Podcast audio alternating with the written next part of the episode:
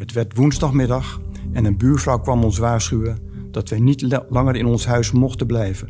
We moesten dus vertrekken en konden helaas alleen wat allernoodzakelijkste dingen bij elkaar pakken en gingen toen als opgejaagde dieren met nog verschillende andere mensen in de richting Husse. Zijn denk ik niet echt woorden voor. De Amersfoortse weg ter hoogte van het aardhuis is die vrachtwagen beschoten. Mijn opa is daarbij uh, vrijwel direct gedood. Mijn oma die, uh, blijft gewond achter met granaatscherven. De kinderen worden opgepikt door de, door de boswachter van het aardhuis. Je denkt dat je bijna veilig bent, dan, dan, en dan word je gewoon uit niets wordt er gewoon een granaat op je gegooid en dan ben je voetzie.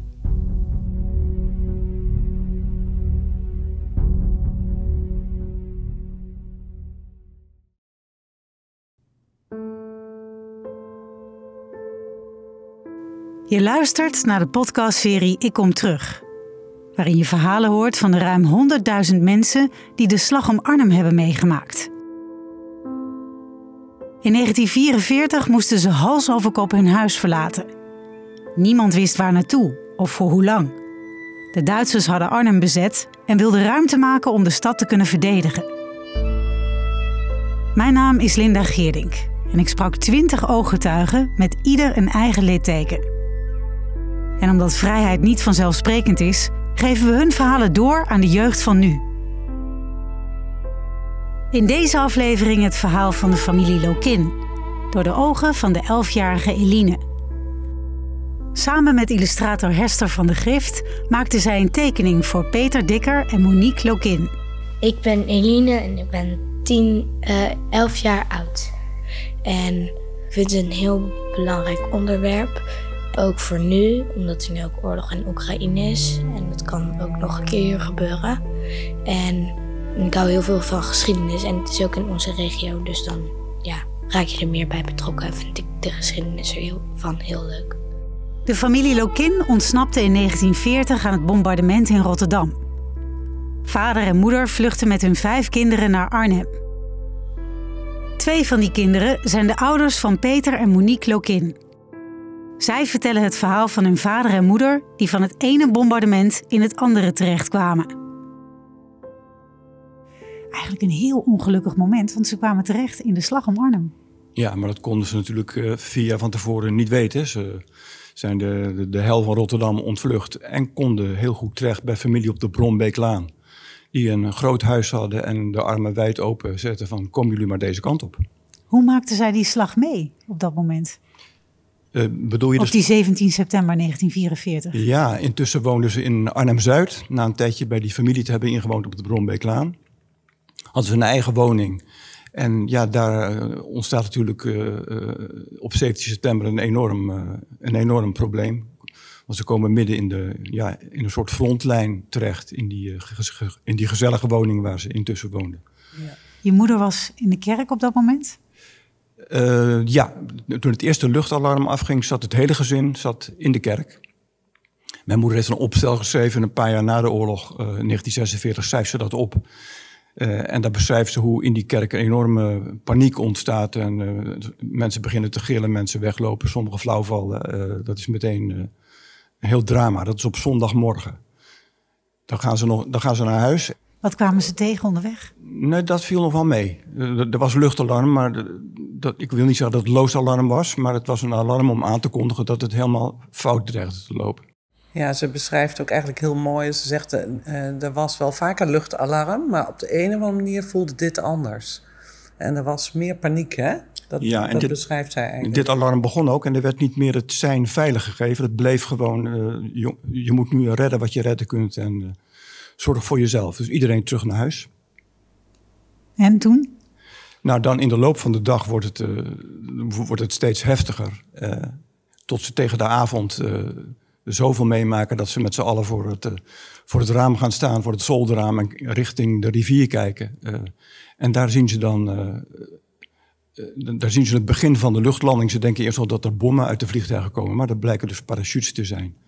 En ze zien delen van de stad uh, al branden aan de overkant. In Arnhem-Zuid is het dan nog betrekkelijk rustig, geloof ik. Maar in het centrum is het helemaal mis. De Eusebiuskerk? Ja, ze, ziet, uh, ze beschrijft eerst hoe die Eusebiuskerk daar nog steeds vier staat. Vier overeind uh, beschrijft ze. Hè? En, en ik geloof een dag of twee later staat alles in brand. En, en ook die kerk brandt als een fakkel. Ja. En dat, ja, ze, ze beschrijft het zelfs van het was een mooi gezicht, maar ook een verschrikkelijk ja, gezicht. Het is een heel indrukwekkend ja, gezicht. Indrukwekkend, voor, ja, Voor, een kind, hè, ze is dan 14 jaar. Uh, die vond het aan de ene kant spannend, en aan de andere kant besefte ook wel dat het gruwelijk was. Wat heeft ze nog meer beschreven in dat opstel? Uh, ze beschrijft hoe ze dan na een, twee hele angstige dagen uh, op de woensdag, denk ik. Is en, dat... en, waar zaten ze die angstige dagen? In de kelder? In de kelder. Uh, de trap? Het, het, was, uh, het was van de kelder en dan weer naar boven, dan weer in de kelder. Dat hing natuurlijk een beetje van het luchtalarm af en van wat ze buiten allemaal hoorden aan, aan oorlogsgeweld. En zaten ze daar alleen met hun eigen gezin? Ja, ik, ik geloof dat niemand zijn huis uit durfde. Ook van de buurtbewoners niet. Iedereen bleef zitten waar hij zat. Want besefte wel dat dit... Uh, dat ze, ja, ze moesten het uitzingen, dachten ze. Maar hoe lang dat ging duren was natuurlijk onduidelijk. En ze moeten ontzettend angstig daar hebben gezeten, niet wetende wat er ging komen. Ik heb ja. nog uh, in diezelfde tijd, eigenlijk dat, dat jij de briefje van je moeder vond. Het opstel vond ik een uh, handgeschreven brief van mijn oma. Die zij uh, uiteindelijk pas later, ze waarschijnlijk nooit heeft verstuurd, maar waar ze aan is begonnen. En daarin beschrijft zij ook dat ze met het hele gezin moeten schuilen onder de trap. dat ze bijna niks meer in huis hebben. Dat ze zich redden met dat kleine beetje wat er nog is. En het is een briefje van je oma? Ja, van mijn oma. Een brief van onze oma. Gericht aan? Aan haar broer met, uh, met vrouw en kinderen. Om te laten weten waar ze zijn? Ja, dus er werd best veel geschreven binnen dit gezin. Kan je een klein stukje voorlezen? Ja. Uh, even kijken wat ik dan ga lezen. Uh, dat zij aan schuilen zijn, dat vond ik zelf zo indrukwekkend. Um, begin september van dit jaar kwam er uh, zowat de invasie, als ik me wel herinner als ook de strijd in en om Arnhem en daarmee ook voor ons zo langzamerhand de ellende. Want ellende is en was het dat wij gedurende de afgelopen maanden hebben meegemaakt.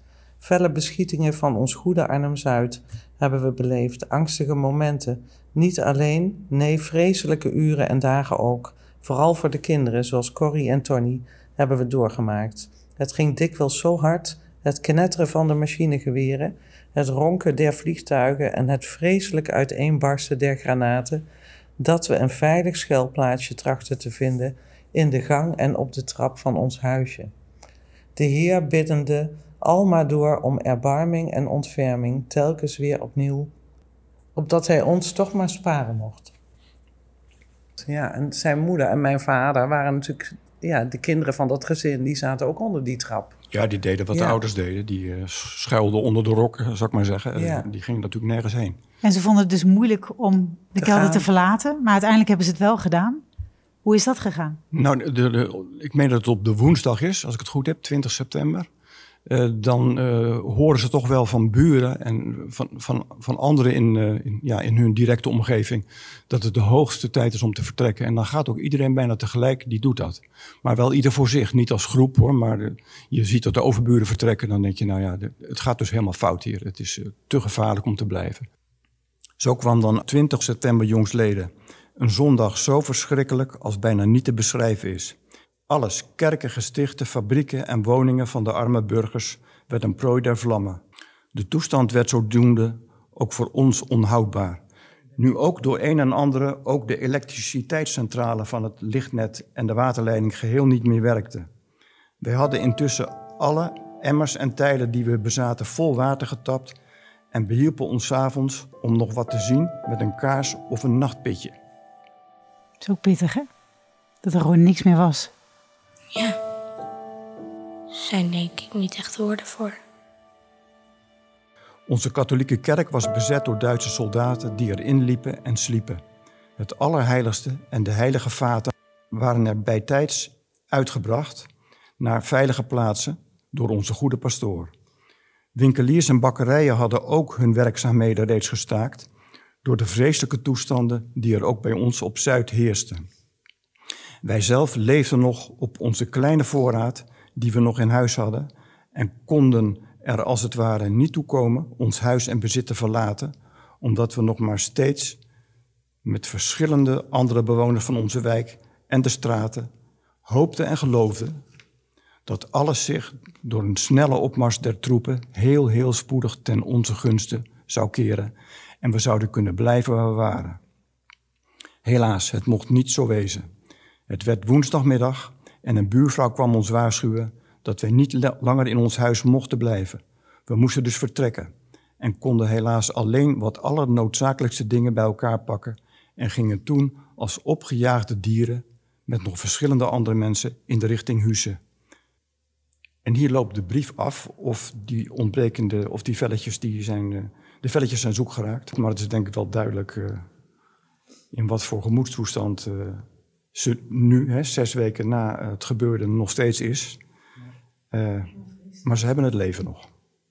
En dan gaan ze te voet richting Husse. En daar vinden ze wonder boven wonder ook vrij snel, in, in, in de, weer in de kelder van een boerderij, krijgen ze onderdak. onderdak. Ik geloof dat mijn moeder zei dat ze dan met 21 Arnhemmers en met een paar uh, lokale priesters zitten ze bij elkaar in, in, een kelder. Dan blijkt al heel snel dat ze van de regen in de drup zijn gekomen, want het wordt daar qua, qua, qua, qua geluid van ontploffingen en granaatinslagen en uh, geruis dat uit het plafond komt, het wordt alleen maar ernstiger.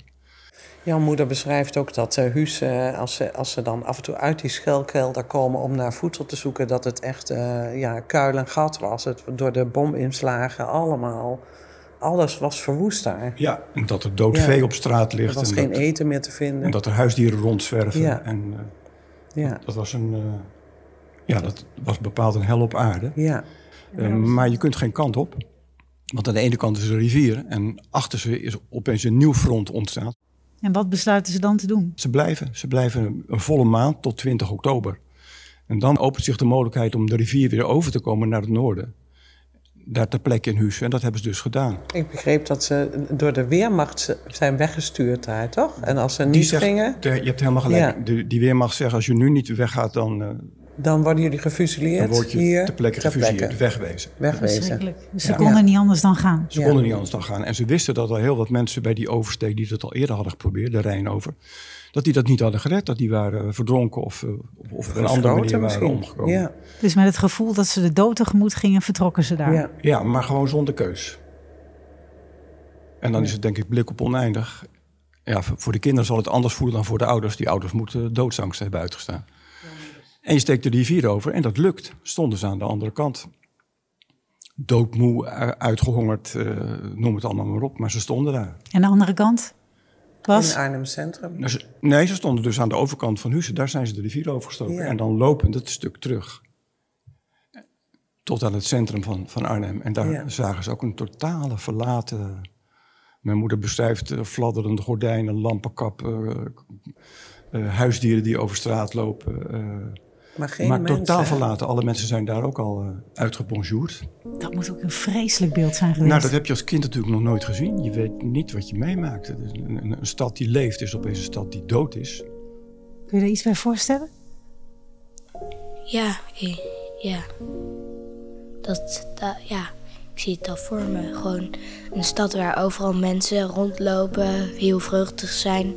Waar het af en toe feest is, waar, waar allemaal gewinkeld wordt en zo. En dan opeens, eh, waar er leuke gordijntjes hangen, waar opeens dan helemaal niets meer is. Helemaal niets, bijna niets. Alleen nog een paar ruïnes. Een soort van spookstad, hè? Ja. Of, of, hè, of een stad die op sterven ligt. eh, was heel erg. eh, Zij beschrijft het ook Ze heel beschrijft het heel beeldend, ja. brief, Hoe- Ja. Hoe, wat- hoe heeft het beschreven? Maar ja, nou, ze beschrijft dus die, die ja, kapotte ramen en die gordijnen die fladderen. En eh, lampenkappen die heen en weer wiegen op de wind. eh. een kraai die nog wat eh ja, ze heeft te, het over een eten grote vindt zwarte vogel. En die denk- eigenlijk de hoofdrol speelt in het beeld. ja, ik denk dat het een Ja. vogel uit de dierentuin was. Want het was geen, geen vogel die ze kende. Dus. Nee. En dat was totale verlatenheid. Ook gek eigenlijk dat ze via het gevaar weer teruggingen. Via de stad. Ik denk dat dat iets bekends was. Hè? Waar moet je dan naar terug? Je kunt het weiland inlopen, maar ja, je hebt honger. En je, dus je loopt naar de stad. En ik denk bovendien dat zij niet wisten hoe Arnhem er naartoe was. Ze hadden geen nieuws. En ze beschrijft niet waarom, maar ik denk dat eh, vader en moeder dan beseffen... nou ja, dan gaan we eruit. En natuurlijk niet over de rivier, maar we gaan naar de noordkant gaan we eruit. En dan beschrijft ze iets over de Siependaalse weg, denk ik. Ja, ze komen bij Park Sijpendaal. En dan beschrijft zij ook, uh, uh, hier neemt het geluid van de, van de bommen en het geknal af. Het wordt langzaam en, langzaam wordt we het voelen minder. allemaal een, een, een, een last van ons afglijden. En op, opeens ziet ze weer de kleuren van de. eh, het is natuurlijk herfst, ze ziet de kleuren van de, de bladeren van de bomen. En in een prachtige herfstgloed. eh, Ja. Ze wordt zich opeens weer bewust van ja, dat er ook nog een leven is. Want ze liepen richting Na al deze Schaarsbergen. ellende. Ja, Waarschijnlijk, ja. precies. Ja. En daar zagen ze al die mooie kleuren. Al die mooie kleuren. En, Ja. nou ja, en het geluid wordt steeds minder. Opeens is het weer, eh, hoe is het mogelijk? Een normaal leven, zeg maar. Ja. Een normaal leven. Aan de andere kant Ja. zei haar moeder daarbij hoe opgetogen ze daarover is. Maar aan de andere kant beseft ze heel goed. Eh, maar nu begint er een tocht eh, in het onbekende. Want niemand van ons heeft dit ooit gedaan, is hier ooit geweest. En hoe gaat het nu verder? Nee, en hoorden ze onderweg waar, welke kant ze misschien op moesten gaan? Of werd daar... Dat beschrijft ze in haar opstel niet. Maar dat we, we, weten, we, we denken te weten uit, uit brieven van andere familieleden... dat ze richting dieren zijn gegaan. Waarin een eh, gemeenschapshuis en in een parochiehuis... een soort allerlei opvang was voor evacuees. Maar daar waren er intussen natuurlijk honderden. Eh, dus we weten ongeveer hoe dat verder is gegaan, maar dat weten we niet zeker. Nee. En van daaruit gingen ze richting Laren. Ja, en dat moet natuurlijk met allerlei tussenstop zijn geweest. Maar zijn ze in Laren, Noord-Holland, hè, niet het Gelderse Laren, maar in Laren, Noord-Holland terechtgekomen. Omdat mijn opa daar een, eh, een zakenrelatie had, eh, vanuit Rotterdam nog. En die heeft waarschijnlijk gezegd van, nou, eh, ik heb nog een schuur en hier kan je wel een poosje blijven. Hoe kwamen ze daar terecht? Lopend voor het grootste gedeelte. Ja, Dat is een flink aantal kilometers. ja dat, en dat is natuurlijk niet in één keer gegaan. Dat, eh, daar hebben ze dagen en dagen over gedaan. Daar heb ik niet veel, behalve dat mijn moeder nog heel lang een, dekentje heeft bewaard... dat over de kinderwagen van, ik denk jouw vader Monique heeft, eh, eh, heeft gehangen. En die had een enorme slijpplek. Dat was door de, dat het wiel er steeds langs was gekomen... was die deken helemaal kapot gegaan aan een. Die heeft ze tot, eh, tot haar dood heeft ze die deken bewaard... als een aandenken aan, aan, aan die tocht. 6 november schrijft eh, Mijn oma.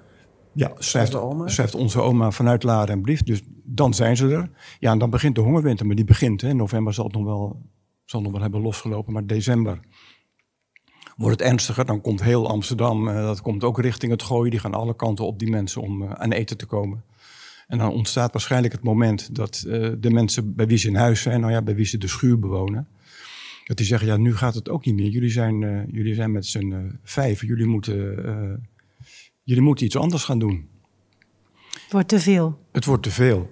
Dus te weinig eten voor iedereen. Er is te weinig eten voor iedereen. Dit, dit loopt op een ramp uit, dus probeer wat.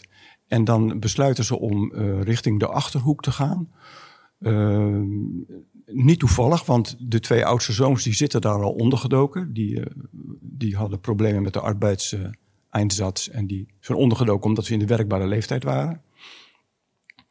Die zitten ondergedoken op een plek in, in Achterzievend. En dan besluiten ze via bemiddeling van de huispastoor van, uit Arnhem-Zuid. Die, die, die zit vaak als een soort contactman tussen, die vertelt waar iedereen zit. En die, uh, die zegt, kom dan maar hierheen, dan regel ik voor jullie onderdak. Die heeft onderdak voor ze geregeld. Ook weer bij een boer in Achterzievend. Maar daar moeten ze nog naartoe. En dan hebben ze een, een, een vrachtautootje geronseld. Ik heb het toevallig laatst helemaal uit zitten zoeken hoe dat nou in elkaar steekt. Een vrachtautootje geronseld in Laren. En hoewel dat buitengewoon riskant is om je dan nog op de weg te begeven, hebben ze dat gedaan. Dus vader, moeder en drie kinderen stappen bij uh, een chauffeur. En zijn zoontje stappen in de auto. S'nachts? Nee, dat hebben ze, nee, dat hebben ze vrijwel zeker. S morgens vroeg om een, uur of negen, tien zijn ze in de auto gestapt. Waarom weten we dat? Dat weten we omdat ze uh, rond half één 's middags uh, op de Amersfoortse weg, uh, ter hoogte van het we zitten dus in Apeldoorn, hè? de Amersfoortse weg, ter hoogte van het aardhuis, is die vrachtwagen beschoten. Mijn opa is daarbij vrijwel direct gedood. Mijn oma die, blijft gewond achter met granaatscherven. Oh. De kinderen worden opgepikt door de, door de boswachter van het aardhuis. het zoontje van de, de, de, de, vrachtwagenbestuurder van de chauffeur is ook gewond.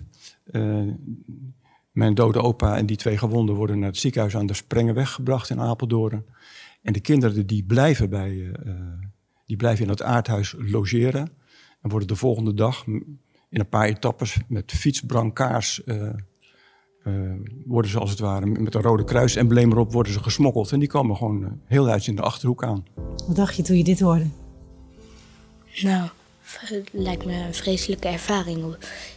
je, bent, je, hebt, je, je, je denkt dat je bijna veilig bent. Dan, dan, en dan word je gewoon uit het niets wordt er gewoon een granaat op je gegooid en dan ben je voetzie.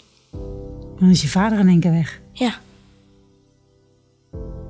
Maar even terug, Peter, naar dat moment van die beschieting van die vrachtwagen. Die kinderen die hebben dit dus allemaal gezien. Ja. Die hebben dat gezien. Monique's vader hebben we vlak voor zijn overlijden, uh, drie jaar terug, daar nog naar gevraagd. Monique, dan, hij beschrijft dat, hè? Hoe ja. Ja, wij, dat is natuurlijk het gekke. Wij, wij eh, hebben van al onze ouders natuurlijk allemaal een stukje van dit verhaal steeds gekregen. Hè? En meestal was dit een soort. Dit werd eigenlijk altijd wel verteld, hè? dat die opa overleden is en uh, met een beschieting. En uh, zijn moeder vertelde het misschien op manier A en de moeder van andere neefjes en nichtjes weer iets anders. Maar ja, dit heeft ons, ons als neven en nicht ook altijd heel erg bezig gehouden. Goh, wat is er toch gebeurd en hoe, ja, hoe kan dat nou? En je bent drie kinderen helemaal alleen, weet je wel. Vader dood, moeder weg. Ja, wij kunnen ons dat al niet voorstellen. En, uh, en onze ouders spraken daar heel sumier over, eigenlijk heel weinig. Hè? Ja. Zou jij dat kunnen zonder je ouders? Dat weet ik niet. Waarom niet? Nou, ja, het ligt eraan wanneer het gebeurt. Als ik wat ouder ben, denk ik wel. Alleen nu denk ik niet, want dan moet ik ook nog op mijn broertjes passen. En mijn broertjes zitten elkaar altijd heel vaak in de haren. En dan moet ik ze uit elkaar trekken. En daar ben ik echt heel slecht in. Ik heb van een andere tante heb ik er ook wel eens naar gevraagd. En die zei, jouw vader lag onder de vrachtwagen. Die was gaan schuilen. En uh, wij zaten naast, naast opa. En het ene zusje, zijn moeder, had tegen haar gezegd... opa slaapt. Oh. Ja, het is dus niet meer lastig, want hij slaapt. Iedereen heeft zijn eigen herinnering daaraan. Mm. En uh, ook dat oma gewond was en die lag al in de berm. Hè, dat vertelde tante Corrie altijd. Die lag in de berm, er was sneeuw. Uh, dat, dat zag er ontzettend uh, heftig uit, want dat bloed in sneeuw, dat loopt alle kanten op. Dat zijn van die flatjes die wij als kinderen, denk ik, of in ons leven van onze ouders kregen. Nou ja, mijn oma ligt dan in het ziekenhuis. Opa wordt begraven, daar is niemand bij. We hebben een prachtige rouwkaart en dat er een mis wordt opgevoerd. En er wordt zelfs gezongen bij de uitvaart, geloof ik. Maar daar is niemand geweest, weten we. Die was er nog wel in die tijd, een rouwkaart. Ja, dat werd toch gemaakt. Ja, dat verbaast ons dan ook. Dat heeft die ja. pastoor weer geregeld. Die vond dat kennelijk echt moeten. Er is zelfs nog een bedankkaartje een paar weken later. Dat hoorden we er allemaal bij. Zo'n bitprintje. En je, dus heel mooi, maar aan de andere kant, als je realiseert dat er niemand was. Er staat ook op de rouwkaart een, een aankondiging van zaterdag 20 januari. Uh, is de uitvaart, maar er staat geen tijd bij. Ze wisten al dat er niemand zou komen, waarschijnlijk. Maar ja, het moest wel gebeuren. Oma lag in het ziekenhuis. De kinderen waren al doorgestuurd naar de Achterhoek. Ja, en, en, daar is oma een week of twee later ook aangekomen. Dat weten we dan weer uit een brief. Dat is ongeveer twee weken later is ze daar ook bij haar kinderen. Dus dat komt allemaal wel goed. Ja, dus die herinnering moet ongelooflijk fijn zijn geweest voor dat de kinderen. Dat denk ik ook wel, ja. ja. Ja, maar daar hebben we ook verder geen details over. Hè? Daar vertellen ze dan eigenlijk, ja, daar weten we eigenlijk niet veel van. Nee. Nee. En in de Achterhoek hebben ze de bevrijding afgewacht. Ja. Ja. Ja. Daar hebben ze de bevrijding afgewacht. En, en hoe was die tijd daar? Hoe kwamen ze de dagen door? Uh, ik geloof dat dat, dat dat best heel goed ging. Ze hadden daar uh, gewoon ook weer heel goed te eten. En uh, dus dat moet natuurlijk al heel fijn zijn geweest. Het was al warm. Uh, er waren ook wel NSB'ers, beschrijft jouw moeder, hè? Dus je moest wel alert zijn. Ja, op een gegeven moment wordt een deel van die ruimte waar ze zitten, dat zijn twee kamers in die boerderij, die wordt dan weer gevorderd door, door Duitse soldaten. Dan moeten ze, die, die, zetten gewoon, eh, die zetten zelfs bedden tussen de bedden van de kinderen in. Dat wordt wel weer een hele vreemde situatie. Maar dan komt heel snel komt de bevrijding eraan en dan is dat hoofdstuk ook afgesloten. Hebben ze omschreven hoe, ze dat, hoe dat tot ze is gekomen, dat de bevrijding eraan kwam? Daar heeft jouw moeder ook een hele brief over geschreven. Ja, dat, dat, kunnen we, dat weet ik nou niet helemaal uit mijn hoofd. Maar ik weet wel dat ze zich kapot ergerde aan die Duitse soldaat... die bij hun maar zo, maar zo midden in die kamer plofte. En daar, daar schrijft ze heel cynisch over. Het is ook wel grappig om te lezen. En dat... Uh, dat die man op een gegeven moment eh, weggaat en dat ze voordat hij vertrekt gauw allerlei kaarten uit zijn auto jatten. Ja. Zo van, nou, maar eens kijken of hij de weg nog kan vinden. Zijn hadden ze. Ja, het is ook wel grappig hoe ze dat dan uh, beschrijven. Ja. Ja, en de, de twee oudste Terwijl het, ook broers. heel, terwijl het ook heel eng is natuurlijk als er een maar Duitser ja, tussen je ja, komt het was natuurlijk ook gewoon een bestaan, denk ik. En eh, ze probeerden denk ik daar het beste van te maken. En ik kan me ook wel voorstellen dat als dan de grote dreiging weg is, dat je zo opgelucht bent. eh, eh, dat je ook weer even gewone dingen kan doen. Ja, tuurlijk. Ja. Misschien, misschien nog wel leuk om te vertellen dat de, die twee oudste broers die ondergedoken zaten, die zijn niet alleen maar eh, eh, lekker op de, op, op de hooizolder gebleven. Die hebben zich aangesloten bij het Dutch National Battalion. Dus die hebben zich aangesloten bij de Canadezen die, nou, die daar daadwerkelijk de bevrijding hebben gebracht in dat deel van, eh, van Nederland. Zij hebben de bevrijding meegebracht. Ja, daarna zijn ze meegegaan om de rest van Nederland te bevrijden. Hè? Precies, Zo staat ja. het. Daar hebben we ook nog certificaten van. En, eh, ja, ja. ja, een soort orders. Ja. ja, Ja, dat moet geweldig zijn geweest. Ja. Hebben ze daar iets van omschreven? Of verteld? daar heb ik niks Nee, van. eigenlijk niet. Daar zijn ze heel neutraal over. Ja, ik geloof dat daar in de Achterhoek ook niet iedereen eh, zo feestend op de banken stond... als waarschijnlijk in een beetje een grotere stad of zo. Het, eh, het, het was natuurlijk platteland, hè? het was heel rustig. De familie kon eindelijk terug. Konden ze ook meteen terug of hebben ze nog even moeten wachten? Nee, ze hebben nog gewacht tot we weten dat ze op 2 juli... zijn ze, eh, zijn ze weer teruggekomen in Arnhem. Want ze hebben gewacht tot ze weer dankzij die pastoor Hardy Tervoet... wisten dat ze daar een woning hadden. Want hun woning aan de Grondelstraat 61 was, eh, dat was niet meer, dat was helemaal kapot en dat was onleefbaar. Eh, maar aan de Huizense straat was, eh, was woonruimte en eh, daar konden ze heen. En daar hebben ze op gewacht.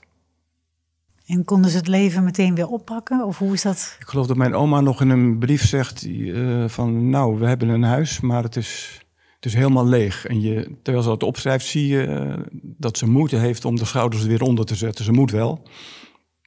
Maar het helemaal opnieuw beginnen, daar ziet ze toch wel heel erg tegenop. Ja, ze was natuurlijk ook weduwe. Ja. Ze was weduwe geworden en ze had, ze, had, ze had niks meer eigenlijk behalve de kinderen. En ja, Ik zie dat het jou ook enorm eh, emotioneert, Monique. Ja, ik kan dat dan soms. Ja. Je ziet ook inderdaad, je ziet die kleine kinderen voor je. Hè? je Ja. we hebben zelf allemaal kinderen gehad. En je ziet die beelden nu weer op de televisie. en als die kinderen op een of andere manier niet hadden gered, hadden wij hier niet gezeten. Nee, en we weten natuurlijk ouders. toch wel, ja, we hebben altijd wel gevoeld dat er toch trauma's in die familie waren. Ja? Ja, het werd nooit zo genoemd en het werd niet gezegd, er werd niet heel veel gepraat. Maar er was eigenlijk met, al, met allemaal wel iets aan de hand, hè? Onze oma heeft ons nooit een woord hierover Nee, nooit. Geen woord? gezegd. Geen woord. De, oma, de oma heeft dat denk ik afgesloten. Van, nou ja, dat was de oorlog en nu, eh, nu moeten we door.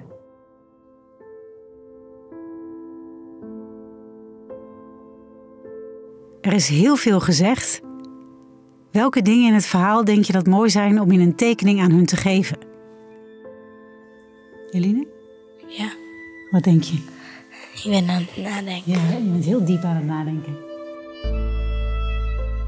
Zal ik je een beetje helpen met een idee te bedenken? Je hoort illustrator Hester van de Gift.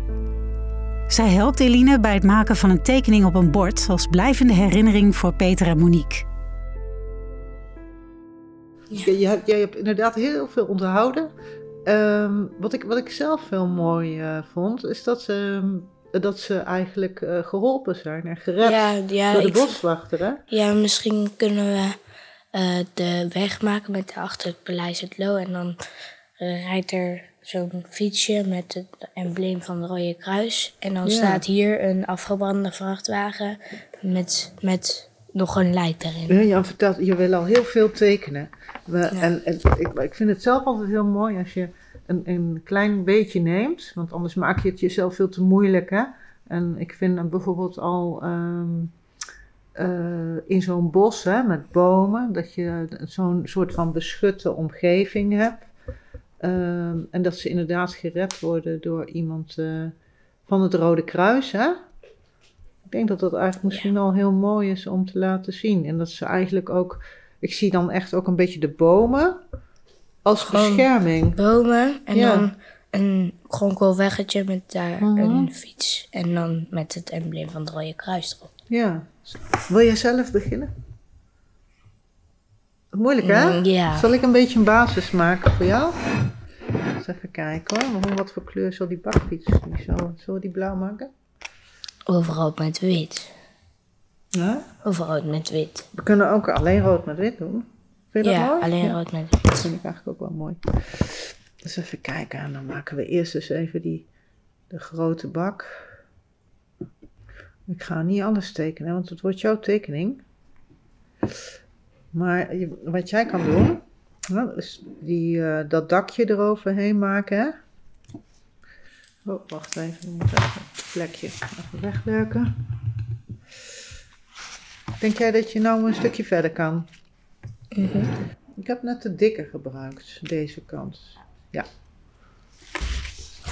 Dat is zo'n beetje tekenen met handicap hè, op zo'n bord. Ja. Beetje lastiger. Ja, en dan... Een soort huifje, hè, is het.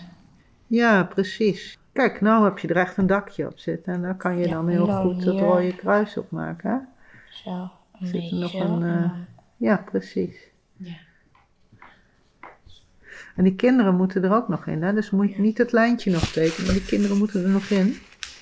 Heel even wachten. Best wel slecht in mensen tekenen. Moet ik eventjes wat koppetjes neerzetten voor jou? Ja.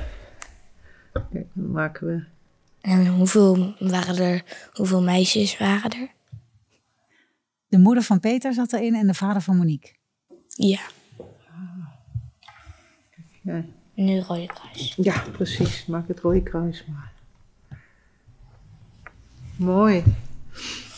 Wat zullen we er nog eens bij? Ik, ik, het is in afbouw. bomen, hè? Ja, juist. Dat dacht ik ook. Bomen. Kijk, hier.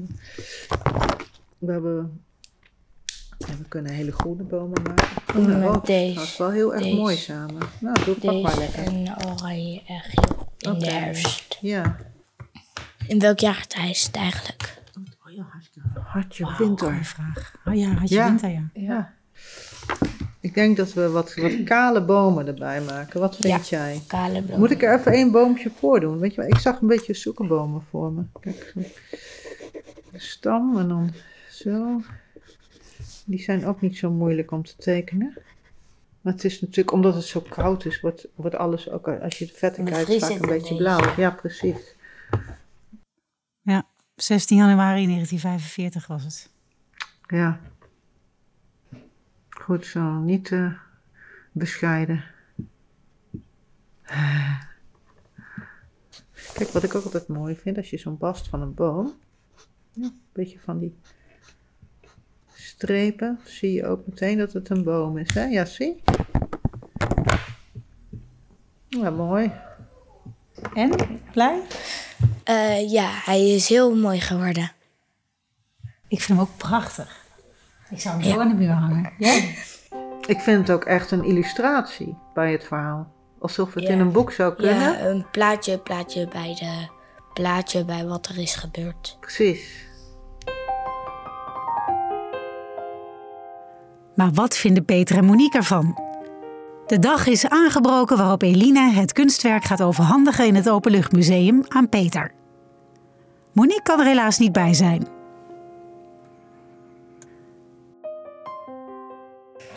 Eline, welkom in het Openluchtmuseum. Ja, het Openluchtmuseum. Het Openluchtmuseum, precies. Ja. Dus je gaat vandaag eh, Peter ontmoeten. Ja. Monique is er niet, maar Peter wel. Heb je er zin in? Ja. Zullen we hem er maar bij halen? Ja. Peter. Goedemiddag. Goedemiddag. Goedemiddag. Ik ben Peter, Peter Dieker. Ik ben Eline, Eline van der Straten. Nou, kijk. Helemaal goed. Ja. Eh, ik heb iets voor jullie gemaakt. Ja, met twee kinderen in een bakfiets door het Rode Kruis. Je hebt het verhaal heel goed gelezen. Ja. Want zo zijn ze op een gegeven moment naar huis gebracht. Met een rood kruis erop geschilderd. En het ging fietsend, want het was, er waren geen eh, echte auto's meer waar nog benzine in, eh, Nee. in kon. ja. Ze moesten zich... eh, Benzine was op. ja. En zo is dat inderdaad gegaan. Nou, wat geweldig. Daar ben ik wel weer een beetje stil van. Ja. Kan je vertellen, Eline, waarom je dit eruit hebt gehaald uit het verhaal? Waarom je dit hebt getekend? Ja, het was het, ja, het stukje waarvan ik echt dacht van... Wauw. Van, ja. dus net iets heel erg gebeurt en ja, je bent, ja, dan ga je weg. Dan ben je alleen. Ja. Weet je dat toen ik het verhaal las, want ik heb het verhaal pas twee jaar geleden, afgelopen zomer heb ik het pas gevonden. En toen was ik net als jij, was ik er ook een beetje stil van. Ja. Mijn moeder had er wel eens iets over verteld, maar in dat verhaal schrijft ze het zo goed op dat het zo dicht bij je komt, dat het is of je het bijna zelf meemaakt. Toen vond ik het ook wel bijzonder. Hoe oud ben jij nu? Elf. Elf. Mijn moeder was veertien toen ze het allemaal meemaakte. En twee jaar later heeft ze het opgeschreven. Maar als jij elf bent, en je zou over drie jaar zoiets moeten meemaken. Nou, dat zou natuurlijk niet leuk zijn. Nee. Wie vertelde jij even, Peter, dat jij stil werd toen je het bord zag? Ja, het is een. eh, ze heeft natuurlijk een moment gekozen dat op haar de meeste indruk heeft gemaakt. Maar dat heeft ze dan zo levendig weergegeven.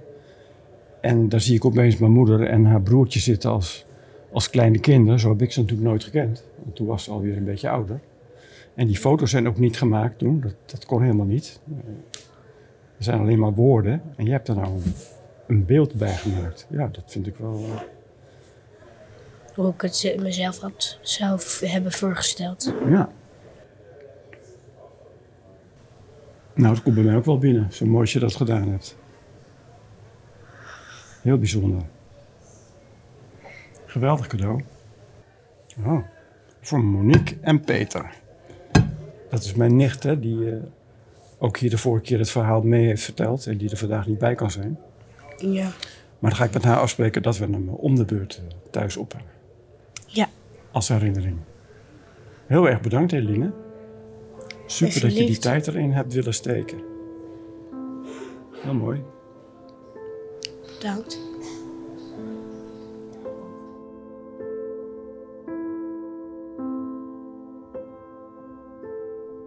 Je luisterde naar de podcastserie Ik Kom Terug.